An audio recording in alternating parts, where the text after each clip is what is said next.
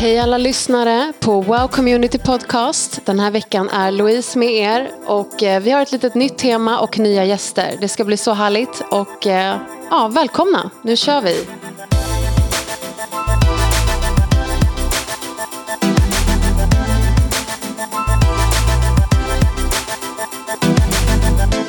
Ja, en ny vecka. Vi är klara med vår lifehack-serie och vi befinner oss i februari och vi brukar kalla den här månaden ofta för Love-månaden. Det är alla hjärtans dag.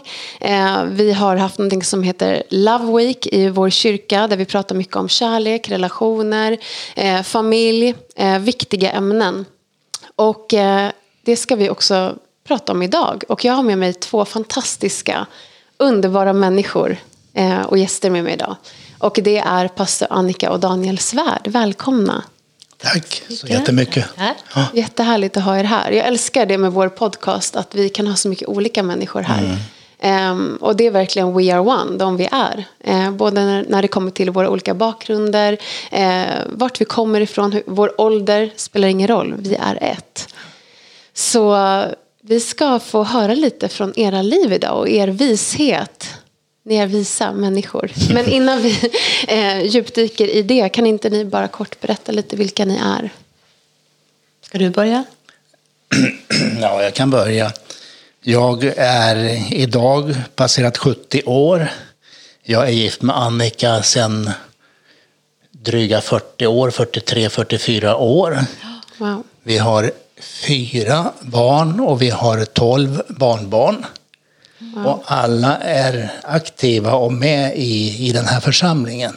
Mm. Så vi känner oss väldigt, väldigt både privilegierade och välsignade att alla finns med i samma kyrka. Mm. Fantastiskt. Ja. Vi har fått förmånen att få arbeta med de äldre mm. eh, tillsammans med våra pastorer, Lennart och Carolina. Mm. Som vi älskar. Vi tycker det är fantastiskt roligt. Ja. Underbart. Det har varit så härligt nu i den här tiden vi befinner oss också när vi är mycket isolerade ifrån varandra. Och just som äldre, man, när man är äldre i den här tiden har det varit så speciellt. Man kan inte träffa sin familj som man brukar, man kan inte komma till kyrkan som man brukar. Men det har varit så fantastiskt att få höra vad ni har gjort under den här tiden. Hur ni har åkt hem och besökt och skickat blomma och allt, allt det ni har gjort. Eh, och hittat kreativa lösningar eh, just för våra seniorer och de äldre mm. som är så viktiga. Ja. Så ja, det betyder enormt. Och det har ju varit en otrolig glädje och ett nöje att åka runt och få träffa alla man saknar ju alla ansiktena idag. Ja. Som man var van att träffade i, i, i gudstjänsten på söndagarna på andra eh, samlingar. Precis. Men just det här att få åka runt på, knacka på, ringa på och de kommer och öppnar. Ja. Det har varit jätteroligt, verkligen. Det måste ha varit så uppskattat. Ja, mm. det har det varit. Mm. Men ni är mitt i, i församlingen och ni känner Gud sida vid sida tillsammans med er familj. Eh, men jag vet ju att det inte alltid har varit så. Eh, eh, och jag vet att det är, ni har en lång historia och det finns så mycket vi skulle kunna, skulle kunna ta upp. Men jag tänker att vi ska backa bandet. Och ni ska bara få dela er resa. Mm. Om vi bara backar till hur det var när ni träffades. Mm. Hur såg era liv ut? Ja, vi, till, vi var ju med i församlingen, i församlingens ungdomsarbete här på, i Södermalmskyrkan hette det ju då. Ja. Och vi träffades när jag var 14 år och, och Danne är ju nio år äldre än mig. Så var, mm. Hur gammal var du? 23. 23 år. Och eh, det är väl ingenting jag skulle rekommendera någon idag. Men eh, så var det för oss mm, när vi träffades. Och det var ju så att på den tiden i alla fall så var det ganska det var gängdelningar i kyrkan det var ganska vattentäta skott emellan de här. Och Annika var ju ung, bara 14 år. Vilket också gjorde att det varit lite brytning i mitt inre. Liksom, hur ska mina kompisar reagera på när jag har sällskap med en så mycket, mycket yngre tjej? Uh. Men vi bröt en barriär just då faktiskt. Mm. Mm. Mm. Så ni blev ett par då? Ja, ja. det blev vi. och var stört förälskade i varandra. Ja, men det blev vi faktiskt. Jag, var, jag tyckte det var lite läskigt, för han var ju så stor kille. Ja. Nio år är ju inte så mycket när man är Nu- ja, men som jag, nu är är det 30. inget- Då, nej. då tänker man ju inte på det. Men Nej, när man är i den, är den åldern är det ju, mycket händer ju Ja. nio år när man är 14. Och, Absolut. Mm. alltså, det är stor skillnad såklart. Eh, men vad hände sen då i era liv? Ja, men vi, vi kanske inte levde överlåtet Gud. Men vi gifte oss, när jag, tre veckor efter jag fyllt 18 år så gifte vi oss. Och det var pastor Bror som vigde oss då. Nej. Det var men det faktiskt var det inte. David, Nej. Berg, David Berge hette en ungdomspastor som hade varit här. Han vigde oss faktiskt. Så det var Men det inte var- pastor Bror. Nej, det var det inte. Men, men han, var med. Ja, han var med. Ja. Ja, han ger så starkt intryck. Så. Ja, han gör det. Nej, men, och sen så började ju våran resa. För vi var vi sårade och sargade på olika sätt. Danne och jag när vi gifte oss. Vi var kanske inte riktigt mogna egentligen. Nej. Men, eh, och jag, vi gick ju till Södermalmskyrkan. Och sen kom det en pastor till vår församling som predikade precis som han trodde att det var sant i Bibeln. Det var så starkt, det var sån uppenbarelse när han predikade. Och jag tog emot det här i mitt hjärta och tyckte det var helt fantastiskt. Medan Danne, han sa det att, tyckte det att det här var ju villfarelse. Så där blev det ju en delning mellan mig och Annika. Även om vi levde tillsammans så var det ju konflikter nästan hela tiden. För jag, jag tyckte, jag var ganska, jag var väldigt egoistisk på den tiden. För att jag skulle bara ha rätt i allt jag gjorde liksom. Var det stolthet? Ja, det var mycket stolthet verkligen. Eh, Så att eh, jag kunde inte svälja det här för att jag var barn av en rörelse som tog avstånd ifrån just det här som Annika beskrev här. Och, och jag tog in allt det som de sa och trodde att det var sant utan att ta reda på hur det är verkligheten. Jag förstår. Så att det här gjorde ju att det var ju en delning mellan mig och Annika. Och det påverkade naturligtvis också barnen. Ja. För du hade ju inte din identitet i Jesus Kristus Nej. utan i en rörelse. Eh, Och det är ju viktigt att man får det här mötet med Jesus själv. Att man får möta hans kärlek. Det är ju grunden i en människas liv och även i ett äktenskap så är det grunden att man får möta Jesus kärlek. Verkligen. Men där, då och där, det var den tiden som Gud lärde mig att be också. För att jag för första gången i mitt liv verkligen fick möta Gud på riktigt. Eh, Jag ville vara som min mamma, hon var en bedjare. Och eh, jag hade försökt tidigare att göra som hon, men det går inte. Man måste ha anden, man måste ha livet själv. Och då fick jag ett ord för första gången i mitt liv. Och eh, många gånger så fick jag bara kasta mig på badrumsgolvet och gråta. Och bara säga, jag väljer att förlåta honom. Jag bara väljer att förlåta honom.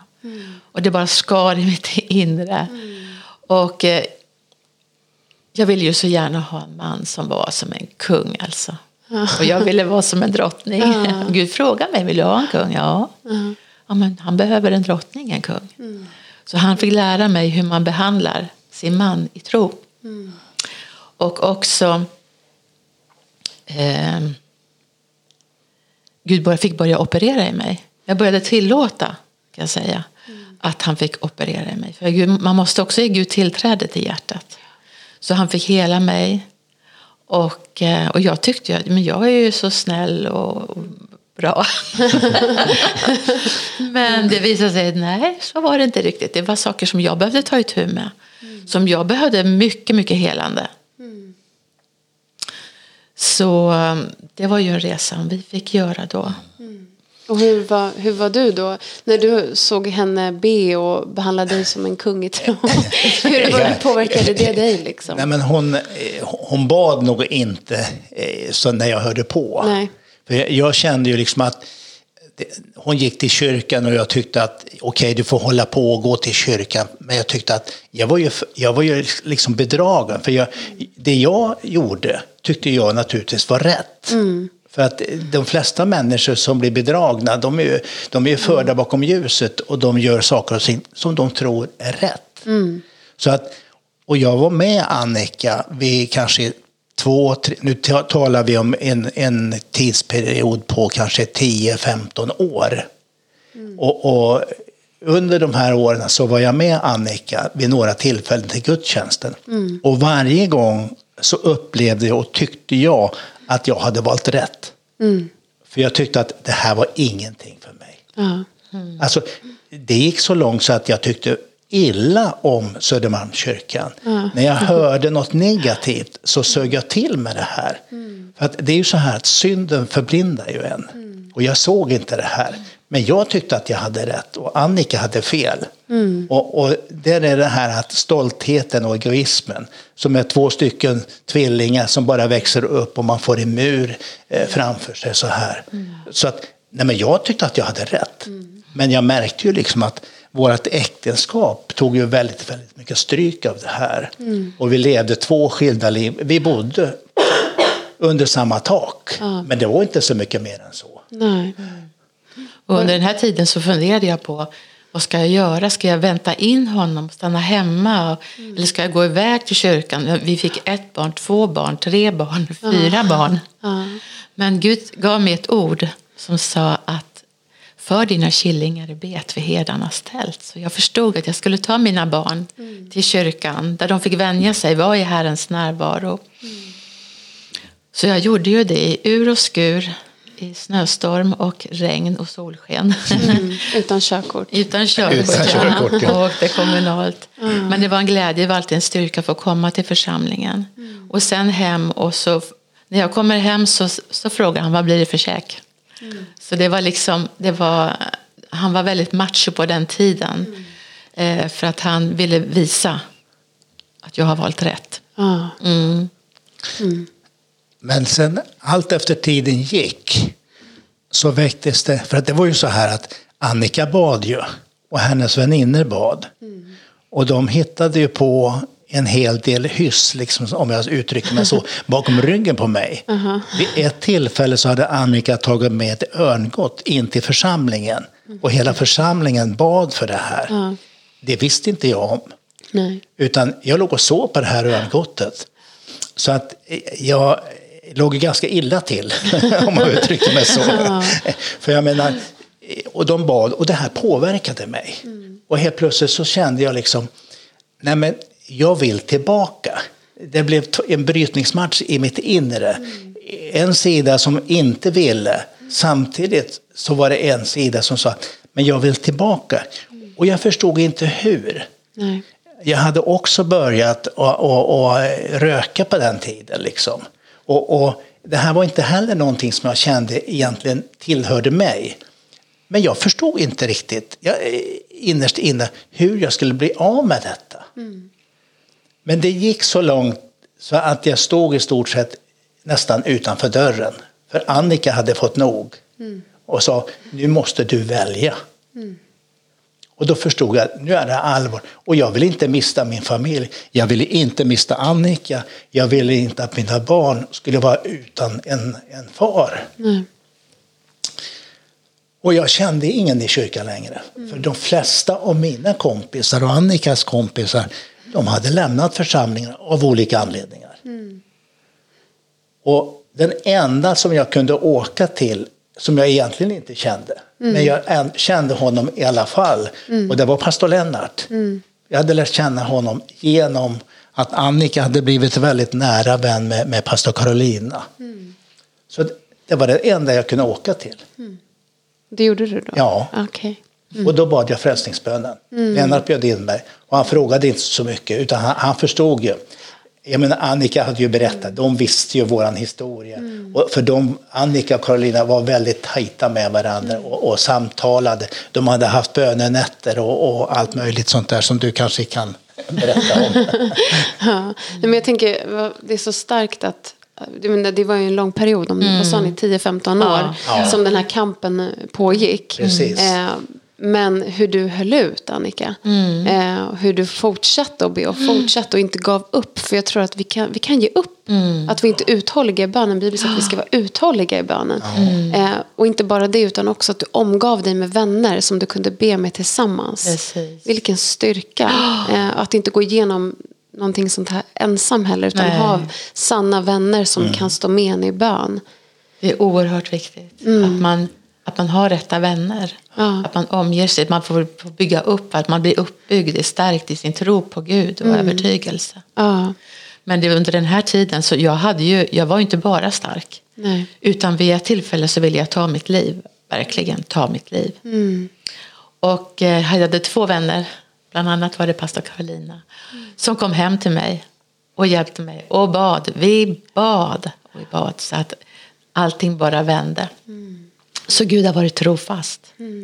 Men en viktig nyckel också i den här resan. Det var ju att Gud fick lära mig att förlåta.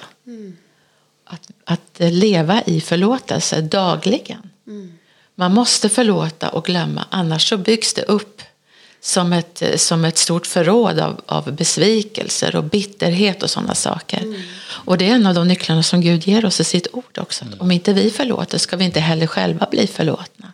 Så det är en sån viktig nyckel det här att vi förlåter och också lämnar det och inte drar upp det igen. Så det lärde, fick jag lära mig. Och det fick ju du också lära dig. Oh, ja. Men eh, ja, när man hör att du var macho, stolt och egoistisk, det är det sista man kan tro idag eh, om dig. Men du kom till den här breaking point och Mm. du bad frälsningsbönen. Eh, vad hände sen? Du måste ju varit överlycklig Annika efter alla dessa år. Att, jag förstår att det var resa efter det också kanske. Men, Jo, men det var det. Det Men- var ju en resa. Ja. Jag menar, det var ju inte så här att det var en räkmacka helt plötsligt. Nej. För att det, det blev ju en omställning. Ja. Både för mig och för Annika också. Helt Mm. plötsligt. För jag menar, Annika hade ju varit den som hade tagit hand om barnen och lett familjen. För att jag hade ju på ett sätt klivit åt sidan Ja. och lämnat den scenen till Annika. Nu var ju jag tillbaka. ja, Och helt plötsligt så klev jag in på scenen. Så det är klart att det var lite krokigt emellanåt. Men vi hade liksom bestämt oss att nu ska vi bygga tillsammans. För jag tror att den huvudnyckeln, eller den, det som för, förde mig tillbaka, det var att Annika aldrig kompromissade. Utan hon höll fast hela tiden. Och hon åkte in till kyrkan i ur och skur. Även om inte jag tyckte om det så var det någonting som påverkade mitt inre. Och den här förändringen där skedde ju här inne och växte fram. Jag menar, jag kommer ju ihåg liksom att eh, jag började köra in Annika till gudstjänsterna. U- Fast jag inte tyckte om det. Och ibland hämtade jag henne. Så att det var en period där jag var påverkad för att jag längtade tillbaka. Och vad hände med dig då? För jag tänker att du måste ju fått, alltså få möta, fått mö- nytt möte med Jesus. Ja, oh eh, och, och vad hände med er relation utifrån, utifrån det? Och, Det mest underbara det var ju min dröm gick i uppfyllelse. Att han bestämde sig för att han skulle gå först upp på morgonen. Så klockan fem så var han nere i köket och bad. Jag vaknade av att han var nere och bad. Och sen kom han upp med kaffe till mig. Alltså det hade ju inte hänt i världshistorien nej, innan. det är ett mirakel. Ja, Ja. och det gav mig en sån trygghet. Och det gav också barnen en trygghet. För det, menar, det är en sak, det nämnde du ju också att du var där i kyrkan, du följde med liksom två gånger där. Och, men om det inte är av hjärtat, om det inte är på riktigt för en själv, då spelar det ingen roll egentligen. Nej. Du är ju inte frälst för att du går till kyrkan Nej, en gång om nej, du inte är där med ditt hjärta och inte med Jesus. Men när du har det här eget, den här egna relationen med Gud, att du själv söker honom i det fördolda, det är där det, det liksom, någonting nytt sker i våra liv.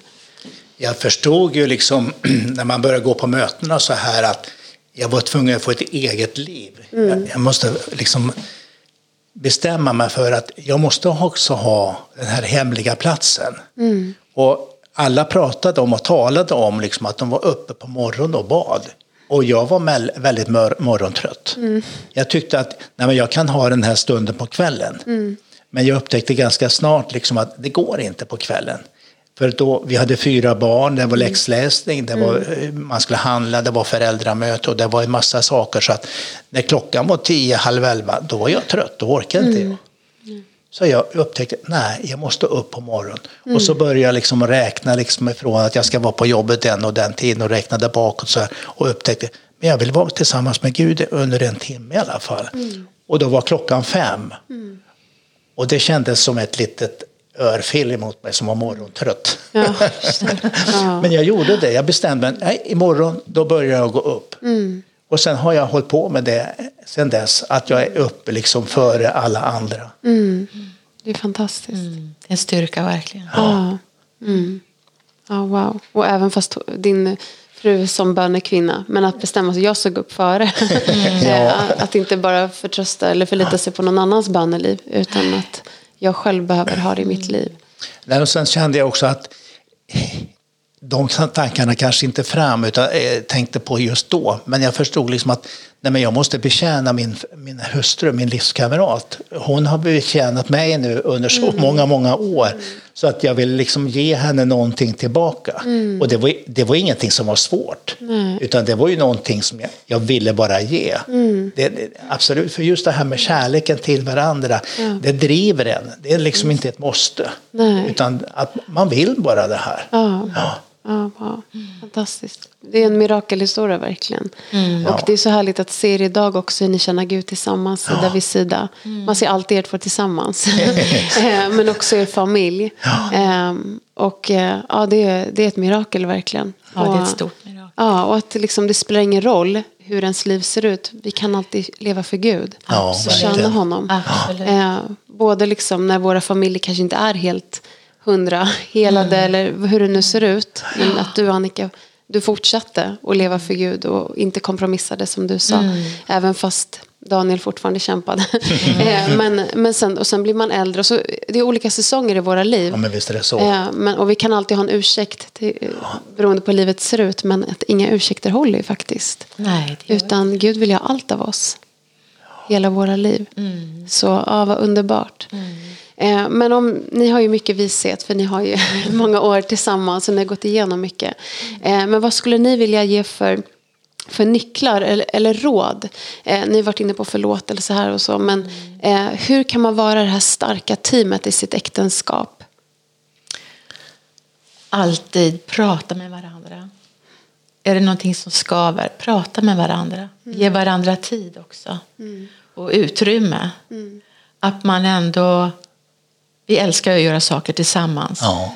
Eh, vi kan inte tänka oss liksom att inte göra saker tillsammans. Nej. Man vill alltid ha den andra hälften med. Ja. Um.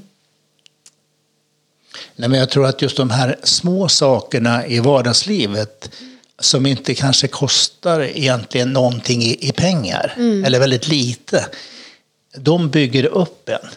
Och sen tror jag att det är viktigt att förstå liksom det här att jag är inte den viktigaste personen. Utan det finns liksom någonting utöver mig.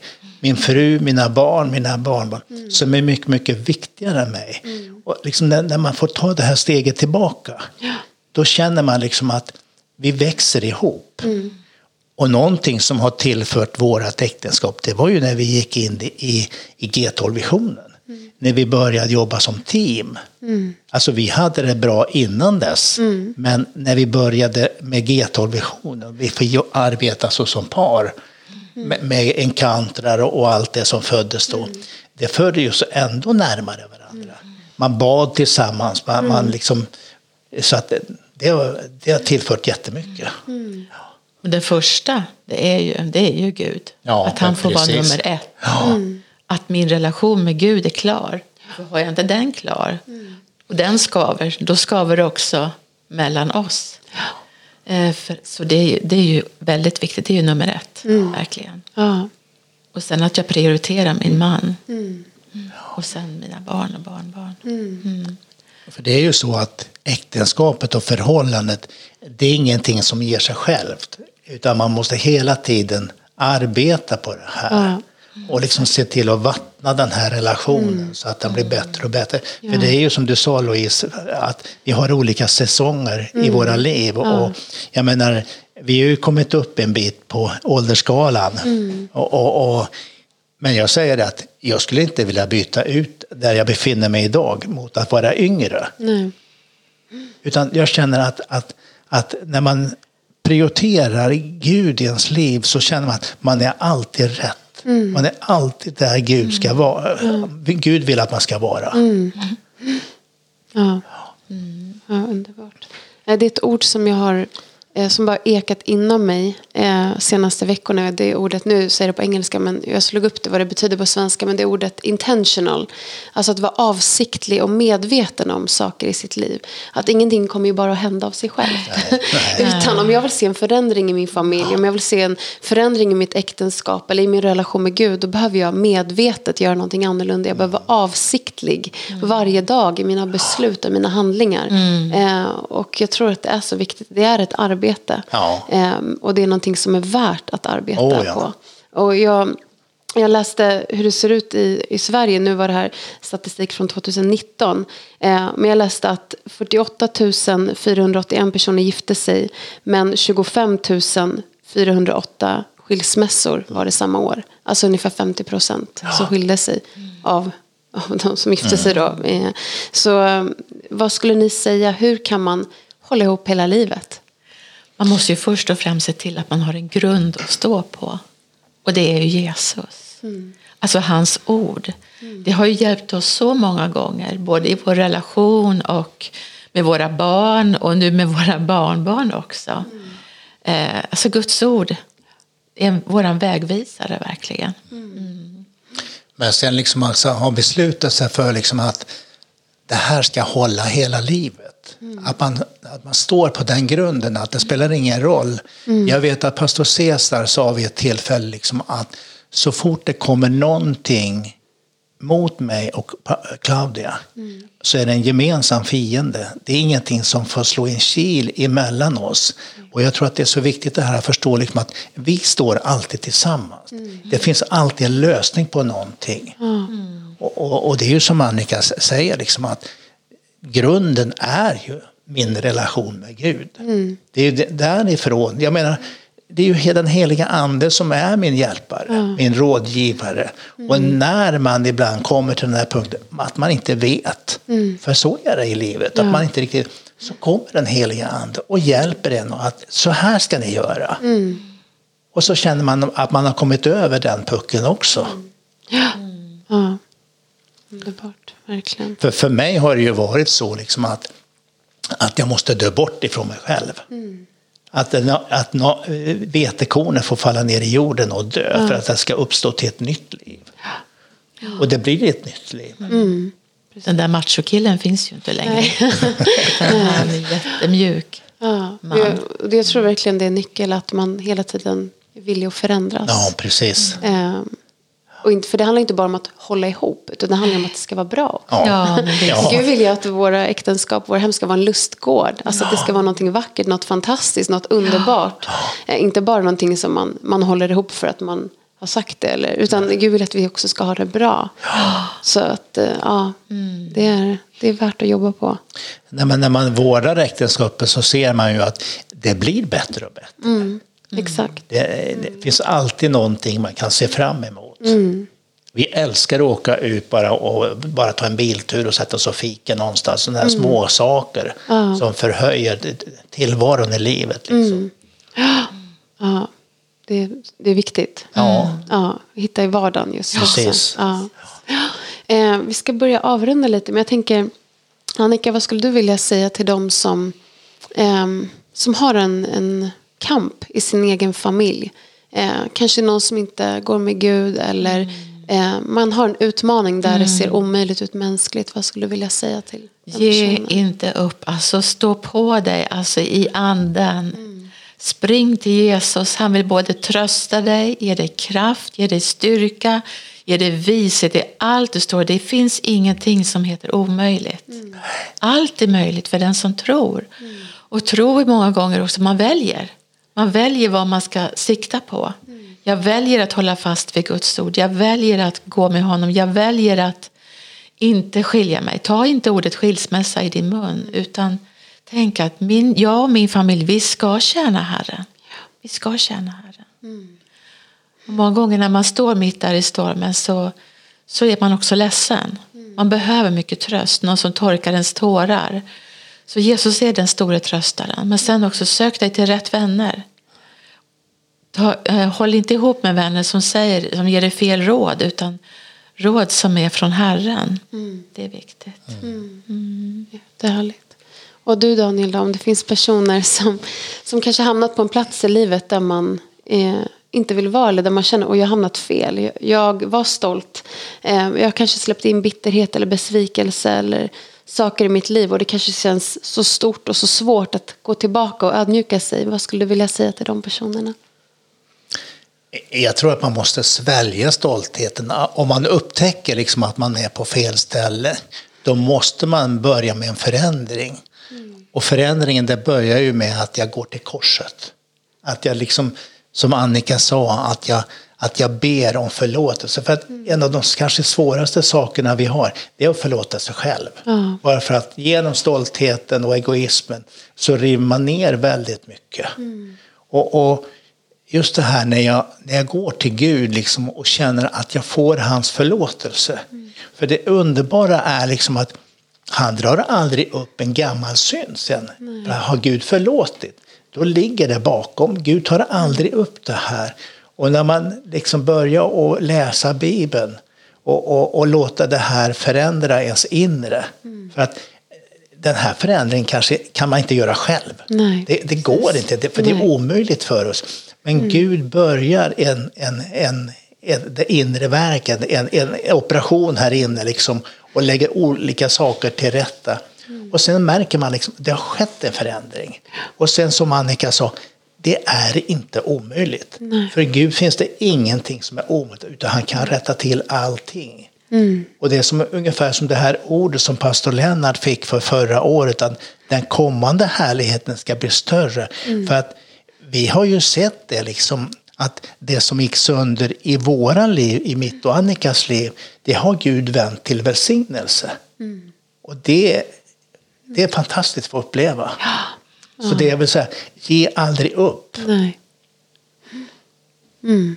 Underbart. Tack så mycket för att ni delat. Ja. Och jag vill bara avsluta med att läsa ett bibelord. För vi kallar ju den här månadens tema för den sanna kärleken. Och du nämnde ju Annika att du behövde ju få ett möte med Jesus för att ha din identitet i honom. Ja, precis. Och det är ju det är Jesus som är den sanna kärleken som vi behöver i våra liv.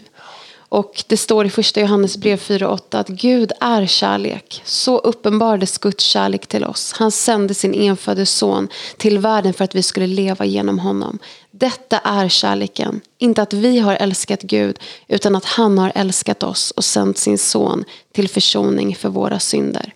Så jag vill bara ge er lyssnare det ordet att Jesus är den sanna kärleken i våra liv. Oavsett hur våra liv ser ut, om vi har fantastiska familjer, trasiga familjer, hur det än ser ut så behöver Jesus vara den första kärleken i våra liv. Så Tack att ni har varit med och lyssnat och tack att ni har delat era ja. hjärtan med oss och all vishet och alla råd.